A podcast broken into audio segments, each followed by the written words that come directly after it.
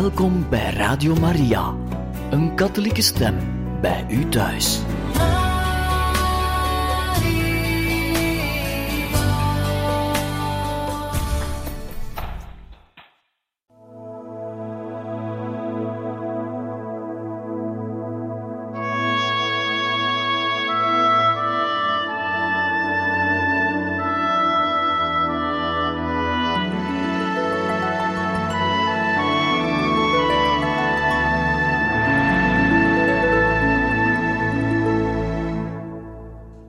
Jaar 1960.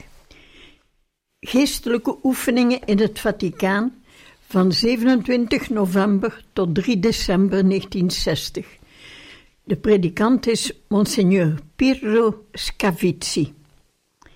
Ik heb hem leren kennen en waarderen in de jaren dat ik als priester in Rome verbleef, van 1921 tot 1925, als pastoor van de kerk van de heilige Eustachius. Degelijk en goed. Hij ontleende de onderwerpen van de meditaties en de conferenties aan een aantal bijbelse gedachten uit het Nieuwe Testament en zette ze goed uiteen. Tegelijk stipte hij de belangrijkste punten van het godsdienstige leven aan, in zover deze van toepassing zijn op de geestelijken die hun werk hebben in de onmiddellijke omgeving van de Heilige Stoel. Bij de preken die in de Mathilde-kapel gehouden werden, waren 18 kardinalen en 58 prelaten en andere geestelijken uit het Vaticaan aanwezig. In het geheel, mijzelf inbegrepen, 77 geestelijken. Alle onzichtbaar voor mij, maar naar men mij zei, aandachtig en ingekeerd. Aan het slot van de retraite, nog voor de apostolische zegen, heb ik, een paar woorden, heb ik er een paar woorden aan toegevoegd. Woorden van dank aan de predikant, die stichtend was, afwisselend, levendig waar het zijn beelden van Palestina betrof, vol gloed, gelukkig zelfs in de eerbiedige en goed aangepaste schilderingen. A. Speciaal duidelijk bij het spreken over de Romeinse synode, het Nieuwe Testament en de universele visie van de Heilige Kerk in de wereld. B. Bovenal teder en zacht waar de verering van en de liefde tot het Allerheiligste Sacrament, de God met ons en de Heilige Maagd betreft. Een krachtig geheel waar wijding van uitging. Enige gedachte ter inspiratie van onwankelbare priesterlijke ijver. De loop van mijn leven in deze twee jaren 28 oktober 1958, 59, 60, getuigt van een spontane en gloedvolle accentuering van de verbondenheid met Christus, met de kerk en het paradijs dat mij wacht. Ik beschouw het als een aanwijzing van grote barmhartigheid van de Heer Jezus voor mij, dat Hij mij zijn vrede schenkt en ook de uiterlijke tekenen van zijn genade, die, naar ik hoor zeggen, de voortdurende aanwezigheid van mijn kalmte verklaren, waardoor ik een eenvoud en zachtmoedigheid van geest geniet en ieder uur van de dag de bereidheid handhaaf om alles achter te laten en desnoods onmiddellijk te vertrekken naar het hiernamaals. Mijn fouten en mijn slechte eigenschappen, voor welke ontelbare zonden, misstappen en nalatigheden ik mijn dagelijkse heilige mis opdraag, zijn voor mij een reden tot voortdurende innerlijke vernedering, die mij niet toestaat mijzelf op enige wijze te verheffen, maar welke tekortkomingen mijn vertrouwen en mijn overgave aan God ook niet verzwakken wiens zegenende hand ik als steun en bemoediging steeds boven mij voel. Het overkomt mij zelfs niet dat ik mij in, de in verleiding gebracht voel, mij ergens op te beroemen of met mijzelf ingenomen te zijn. Het weinige dat ik over mijzelf weet, is voldoende mij beschaamd te maken. Dit is de mooie zin die door Manzoni op de lippen van kardinaal Federico wordt gelegd. Op u, Heer, heb ik gehoopt, in eeuwigheid zal ik niet beschaamd worden. Nu ik mijn tachtigste jaar inga, is slechts dit van belang. Ik moet mij vernederen, mij één voelen met de Heer en steeds met vertrouwen zijn mededogen afwachten, opdat Hij mij de poort tot het eeuwig leven zal ontsluiten. Jezus, Jozef, Maria, mogen ik in vrede met u sterven. Het jaar 1961. Mijn geestelijke oefeningen ter voorbereiding van mijn tachtigste verjaardag. Castel Gandolfo van 10 tot 15 augustus 1961. 10 augustus 1961. Ik heb alle gewone bezigheden van mijn ambt opgeschort. Mijn vaste biechtvader, Monseigneur Cavagna, is mijn enige gezelschap.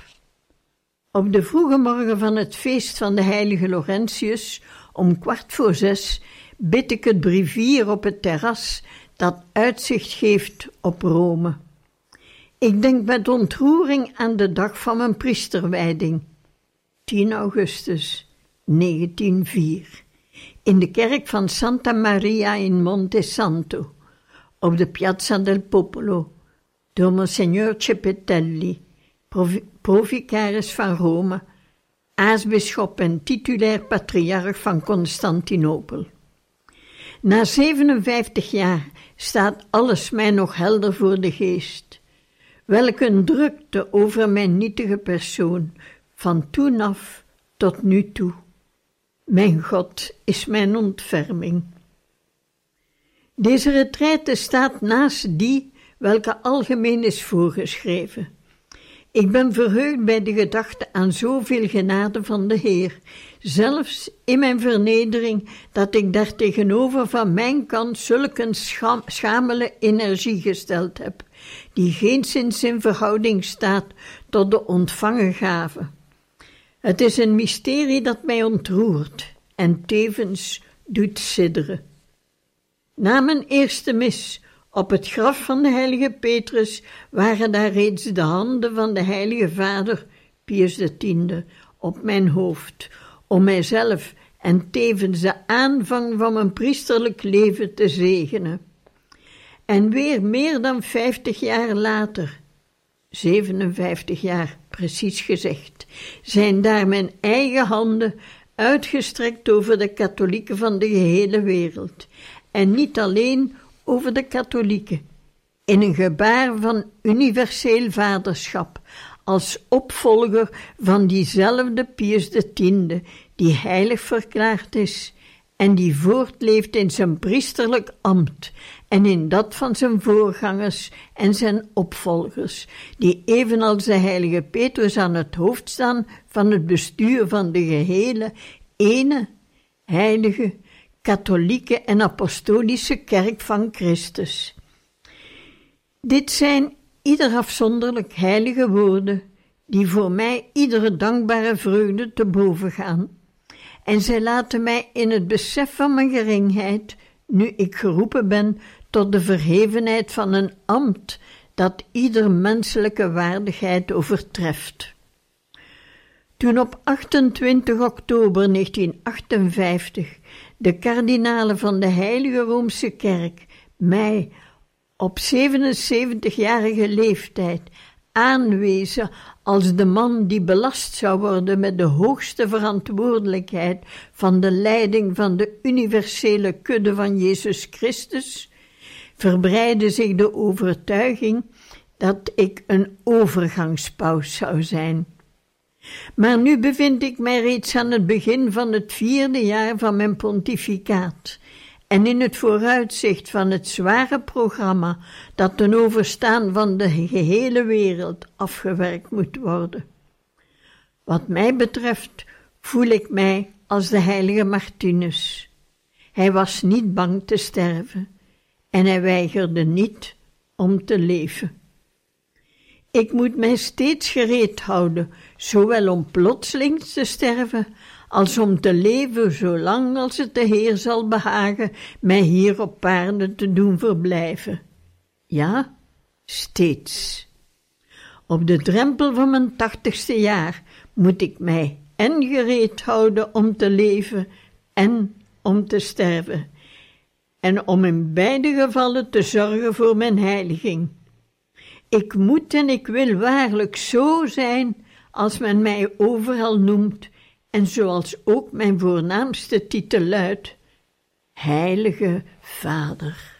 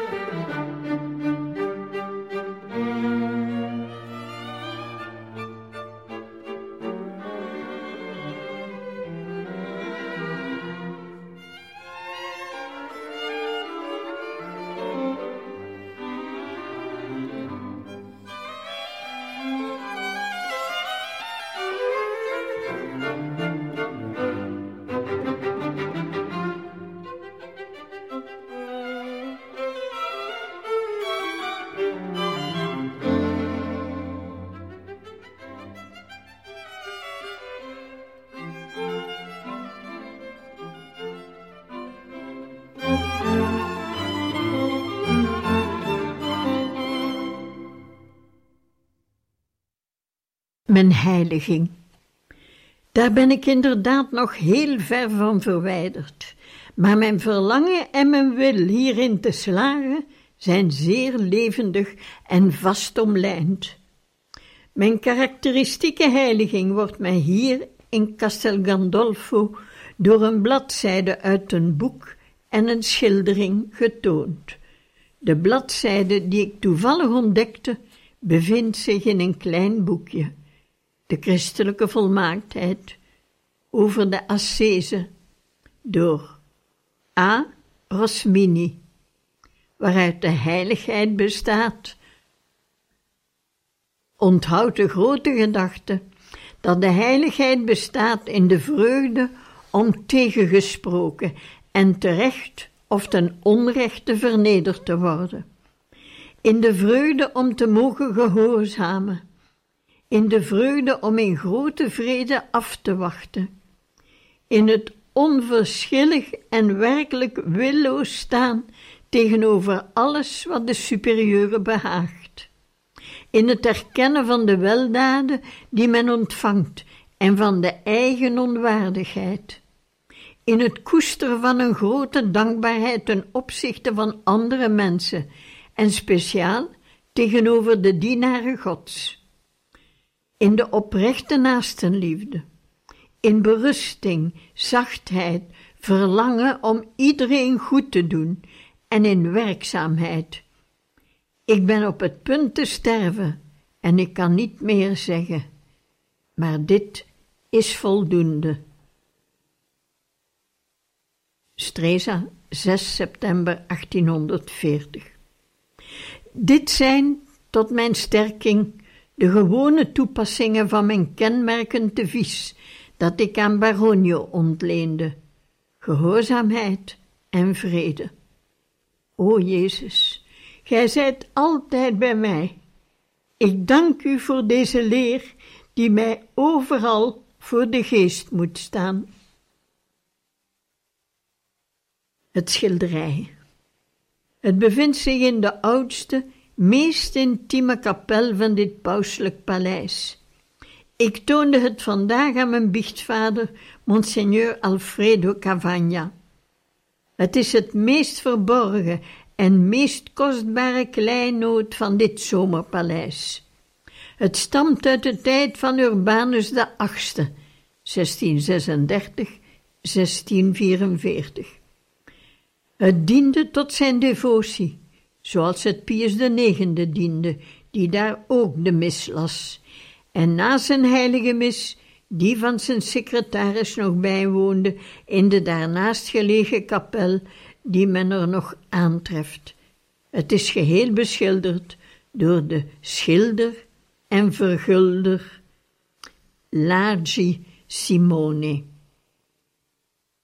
Boven het altaar bevindt zich een schilderij, de Pietà, de moeder van smarten met de gestorven Jezus. Niets zou hier beter passen dan dit schilderij en deze decoratie. De muren zijn geheel beschilderd met tafereelen van het lijden van Jezus, een blijvend onderricht tot stichting van iedere paus. Dit alles woorden en schilderingen, komt mij in de leer van het lijden bevestigen. Van alle mysteries van het leven van Jezus is dit de meest geschikte en vertrouwde gedachte voor de voortdurende devotie van de paus. Lijden en veracht worden voor Christus en met Christus. Dit is de eerste lichtstraal van mijn hernieuwde poging ter beoefening van de volmaaktheid, als voorbereiding tot de aanvang van mijn ouderdom. De wil van God is mijn heiliging in Christus. O Jezus, Gij zijt mijn helper geworden. Ik verheug mij in de schaduw van uw beschermende vleugels. Mijn ziel klampt zich vast aan u. Uw rechterhand is mij tot steun. 11 augustus 1961. Voor alles, ik beleid voor God Almachtig. Gedurende mijn gehele leven ben ik altijd trouw geweest aan mijn wekelijkse biecht. Meerdere malen in mijn leven heb ik een algemene biecht gesproken. In deze omstandigheden stel ik mij tevreden met een meer algemene aanduiding, zonder nauwkeurige omschrijving, enkel afgaande op de woorden van de offerande uit de mis van iedere dag, voor mijn ontelbare zonden, misstappen en nalatigheden. Ik heb alles meermalen gebiecht, maar het wordt nog altijd betreurd en verafschuwd. Zonde. De zuiverheid. In verband met mijzelf, waar het onpassende intimiteiten betreft, niets ernstigs, nooit. In mijn verhouding tot anderen met oogopslagen en door gebaren, nog in de puberteit, nog in mijn jongelingsjaren, nog in de jaren van rijpheid en ouderdom, niet door het lezen van boeken of tijdschriften, niet door het kijken naar beelden of plaatwerk. Gods genade, echt Gods genade, heeft mij nooit in de bekoring laten bezwijken. Nooit. Ik herhaal het, nooit. Altijd heeft Hij mij geholpen met Zijn oneindig grote barmhartigheid. Door die barmhartigheid ben ik vol vertrouwen dat ik mij staande kan houden tot het einde van mijn leven. Wat betreft de gehoorzaamheid. Ik heb zelf nooit bekoringen gekend ten opzichte van de gehoorzaamheid. En ik dank de Heer dat Hij mij nooit ongehoorzaam liet zijn, ook niet als de gehoorzaamheid mij buitengewoon zwaar viel, zoals ik er ook nu onder daar ik de dienaar van Gods dienaren geworden ben. Wat betreft de nederigheid, deze beoefen ik steeds, ook uitwendig. Dat neemt niet weg dat ik evengoed gevoelig ben voor een bepaald gebrek aan ontzag, waarmee men mij, naar ik geloof, wel eens heeft bejegend. Maar ten overstaan van God beleef ik hieraan ook vreugde, als ware dit een oefening van geduld en van verborgen kastijding voor mijn zonde, en om van de Heer vergeving te verkrijgen voor de zonde van de gehele wereld. Wat betreft de liefde, het beoefenen van deze deugd kost mij nog de minste moeite, ofschoon, ofschoon het soms wel offers van mij vergt, en ik mij soms tot een licht ongeduld laat verleiden, waaronder wellicht iemand, zonder dat ik het weet, zou kunnen lijden. Misstappen. Wie weet hoeveel ontelbare keren tegen de wet van God en tegen de wet van de Heilige Kerk een ontelbaar aantal. Wij staan wel steeds boven de kerkelijke voorschriften, maar nooit waar het gaat om doodzonde of om dagelijkse zonde. De liefde tot de regels en de voorschriften en alles wat te maken heeft met de gehele kerkelijke en menselijke wetgeving draag ik in mijn hart en mijn geest. En dit is voor mij een dagelijkse reden tot waakzaamheid over mijzelf vooral tot stichtend voorbeeld voor klerus en gelovigen. Ook al deze misstappen heb ik gebiecht, maar alle tegelijk en met het voornemen mij in dit opzicht te verbeteren, naarmate ik ouder word, wil ik dagelijks nog grotere pogingen in het werk stellen om mij te verbeteren en te vervolmaken. Nalatigheden.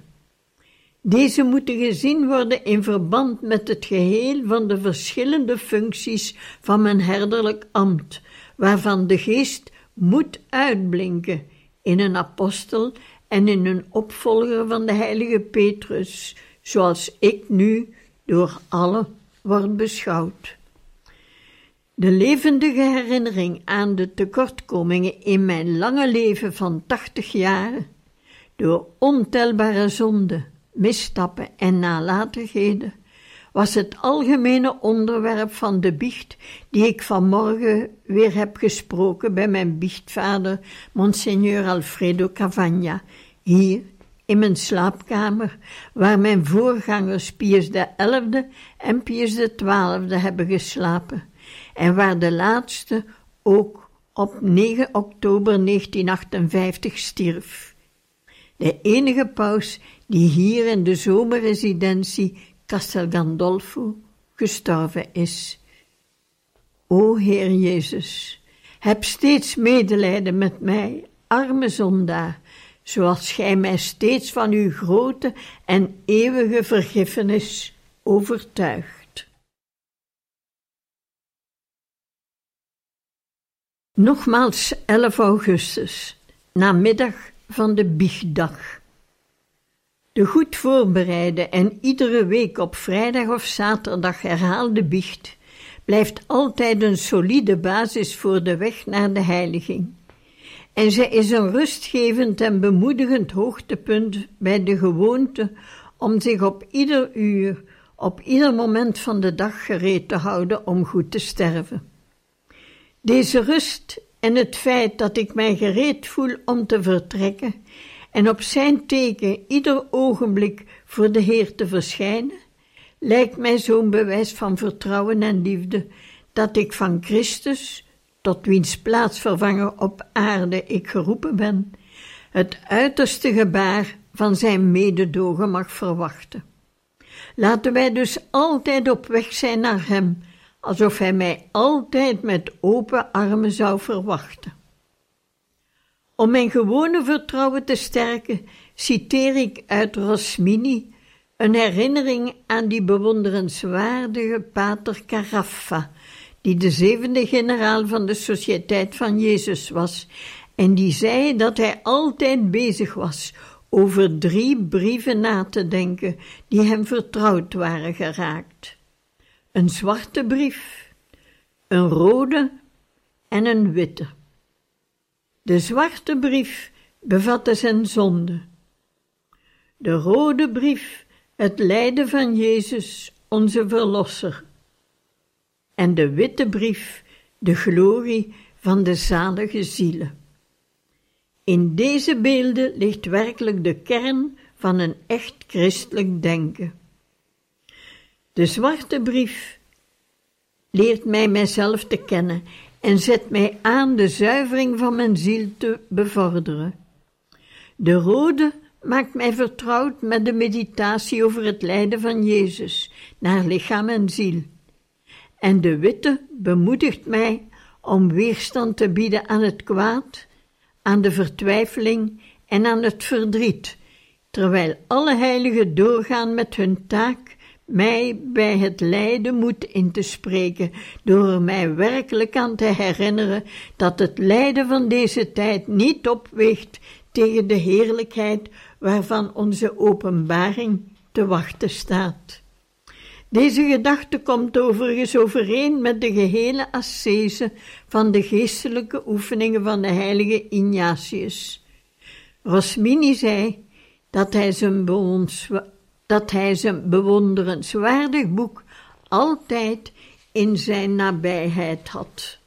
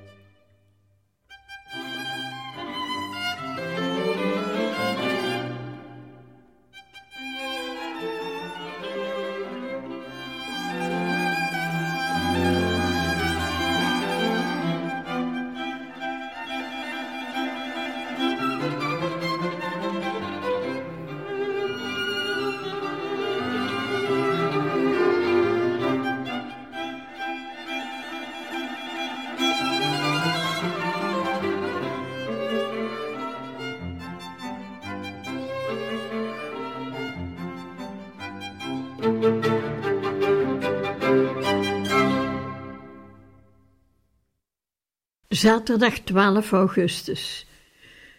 De gekruisigde Jezus en de moeder van smarten. Deze retraite wil een vooruitgang zijn in mijn streven naar persoonlijke heiliging. Niet alleen als christen, priester en bisschop, maar als paus, als goede vader van alle christenen, als goede herder waartoe de Heer mij aangesteld heeft, niet tegenstaande mijn onbelangrijkheid en mijn onwaardigheid. Meermalen, herhaaldelijk zelfs, denk ik aan het mysterie van het kostbaar bloed van Jezus. Als opperpriester voelde ik onmiddellijk dat ik de devotie hiertoe moest bevorderen ter aanvulling van de devoties tot Jezus' naam en het heilig hart van Jezus, die, zoals ik al zei, zeer bekend en overal verspreid zijn. Ik beken het, het was een spontane ingeving. De persoonlijke devotie van het kostbaar bloed van Jezus heb ik als jongen, bijna als kind nog, aangetroffen bij mijn bejaarde oudoom Saverio, de oudste van de vijf broeders Roncalli die de grootste invloed heeft gehad op mijn godsdienstige vorming, waaruit ik al meteen, en ik zou zeggen als vanzelf mijn priesterroeping is voortgekomen. Ik herinner mij de kerkboeken op zijn bidstoel. Daartussen lag ook het allerkostbaarst bloed dat hij in de maand juli gebruikte. O, heilige en gezegende herinneringen van mijn kinderjaren. Hoe kostbaar zijt gij voor mij om in het licht van mijn levensavond de fundamentele punten van mijn heiliging te preciseren als vertroostend visioen van hetgeen mij in mijn eeuwigheid, zoals ik nederig vertrouw, te wachten staat. Kruis en eeuwigheid, het lijden van Christus in het licht van de oneindige eeuwigheid. O, welk een zoete vrede! Zo moet het zijn en steeds meer. Het leven dat mij nog hier op aarde rest, moet zijn bezieling vinden aan de voeten van het kruis van de gekruisigde Jezus en moet besproeid worden met zijn kostbaar bloed en met de bittere tranen van de moeder van smarten, moeder van Jezus en tevens mijn moeder.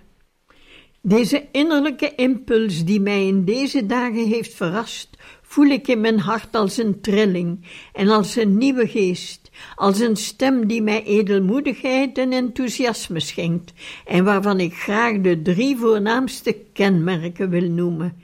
1. Totaal losstaan van alles en volmaakte onverschilligheid, zowel voor blaam als voor lof, en voor alles wat er in de wereld gebeurt, en dat voor mij ernstige gevolgen zou kunnen hebben. 2. Voor de Heer ben ik een zondaar en van geenerlei betekenis. Ik leef uit de barmhartigheid van Jezus, aan wie ik alles verschuldigd ben en van wie ik alles verwacht. Aan Hem onderwerp ik mij, ook door mij geheel en al door zijn lijden en smarten te laten omvormen, in volledige overgave aan absolute gehoorzaamheid en geheel overeenkomstig zijn wil. Nu meer dan ooit, en zolang ik zal leven en in alle omstandigheden, gehoorzaamheid en vrede. 3. Algehele bereidheid om te leven en te sterven als Petrus en Paulus, en om alles tegemoet te treden, zelfs boeien, pijnen, verbanning en martelaarschap, tot welzijn van de heilige kerk en van alle die door Christus zijn verlost. Ik voel de zwaarte van mijn opdracht en ik sidder, omdat ik weet dat ik zwak en onstandvastig ben. Maar ik vertrouw op de gekruisigde Christus en op zijn moeder. En ik houd mijn blik gericht op de eeuwigheid. Zondag 13 augustus. Beoefening van de wijsheid van paus en bisschoppen. Geloof, hoop en liefde zijn de drie sterren van de bisschoppelijke glorie. De paus als hoofd en ten voorbeeld en de bisschoppen, alle bisschoppen van de kerk met hem.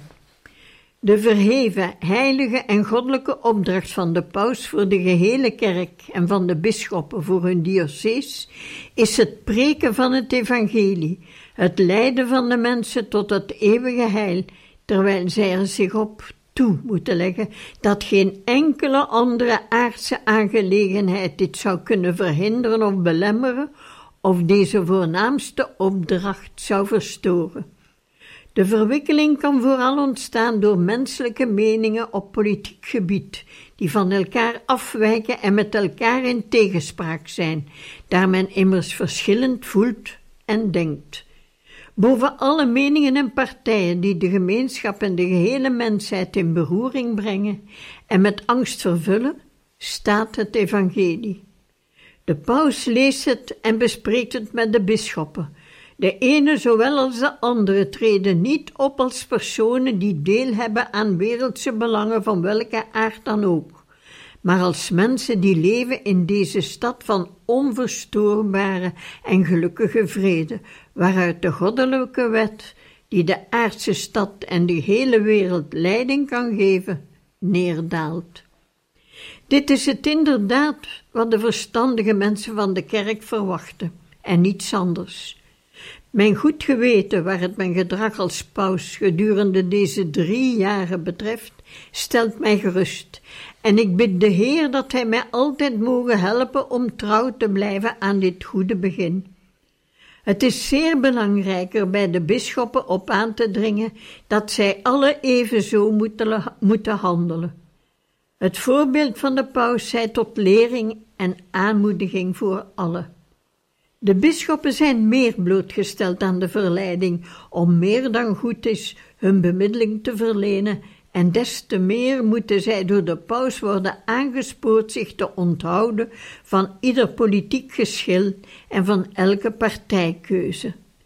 Zij moeten gelijkelijk voor iedereen en op algemene wijze over de gerechtigheid, liefde, nederigheid, vreedzaamheid en zachtmoedigheid en de andere evangelische deugden preken, terwijl zij met waardigheid de rechten van de kerk verdedigen, waar deze geschonden of geschaad zouden worden. Altijd, maar bovenal in deze tijd, is de bisschop de aangewezen persoon om weldoende verzachtende balsem over de wonden van de mensheid te strijken. Hij moet zich derhalve van ieder vermetel oordeel en van ieder beledigend woord tegenover wie dan ook onthouden, en ook van elke vleierij die voortkomt uit vrees, van ieder contact met het slechte dat hem ingegeven zou kunnen worden, door de hoop iemand van dienst te zijn. Hij moet een ernstige houding zoeken, gereserveerd en standvastig. Hij moet een wijze van spreken in acht nemen, die tegenover iedereen zacht en vriendelijk is, en tegelijkertijd geschikt om met heilige overtuiging, maar zonder enige heftigheid, het goede van het kwade te onderscheiden. Iedere poging of intrige van menselijk vernuft heeft bijzonder weinig waarde in deze zaken van werelds belang. Het voortdurend bevorderen echter van het godsdienstige leven onder de gelovigen door nog ijveriger, nog ijveriger en inniger gebed en vrome oefeningen, die met zorg onderwezen en bevorderd moeten worden, en bovenal het godsdienstonderwijs. Dit alles zal ertoe bijdragen om ook de problemen van vergankelijke aard heel wat beter op te lossen dan ander menselijk inzicht dit kan doen. Dit zal de goddelijke zegeningen over het volk laten neerdalen, die het voor veel kwaad zullen behoeden en die de verdoolde zielen weer op het rechte pad zullen brengen. Uit de hemel komt de hulp en het hemelslicht verjaagt de duisternis. Zo schreef A. Rosmini vanuit Villa Albani te Rome op 23 november 1848. En dit is mijn gedachte en mijn herderlijke zorg, die geldt voor nu en altijd.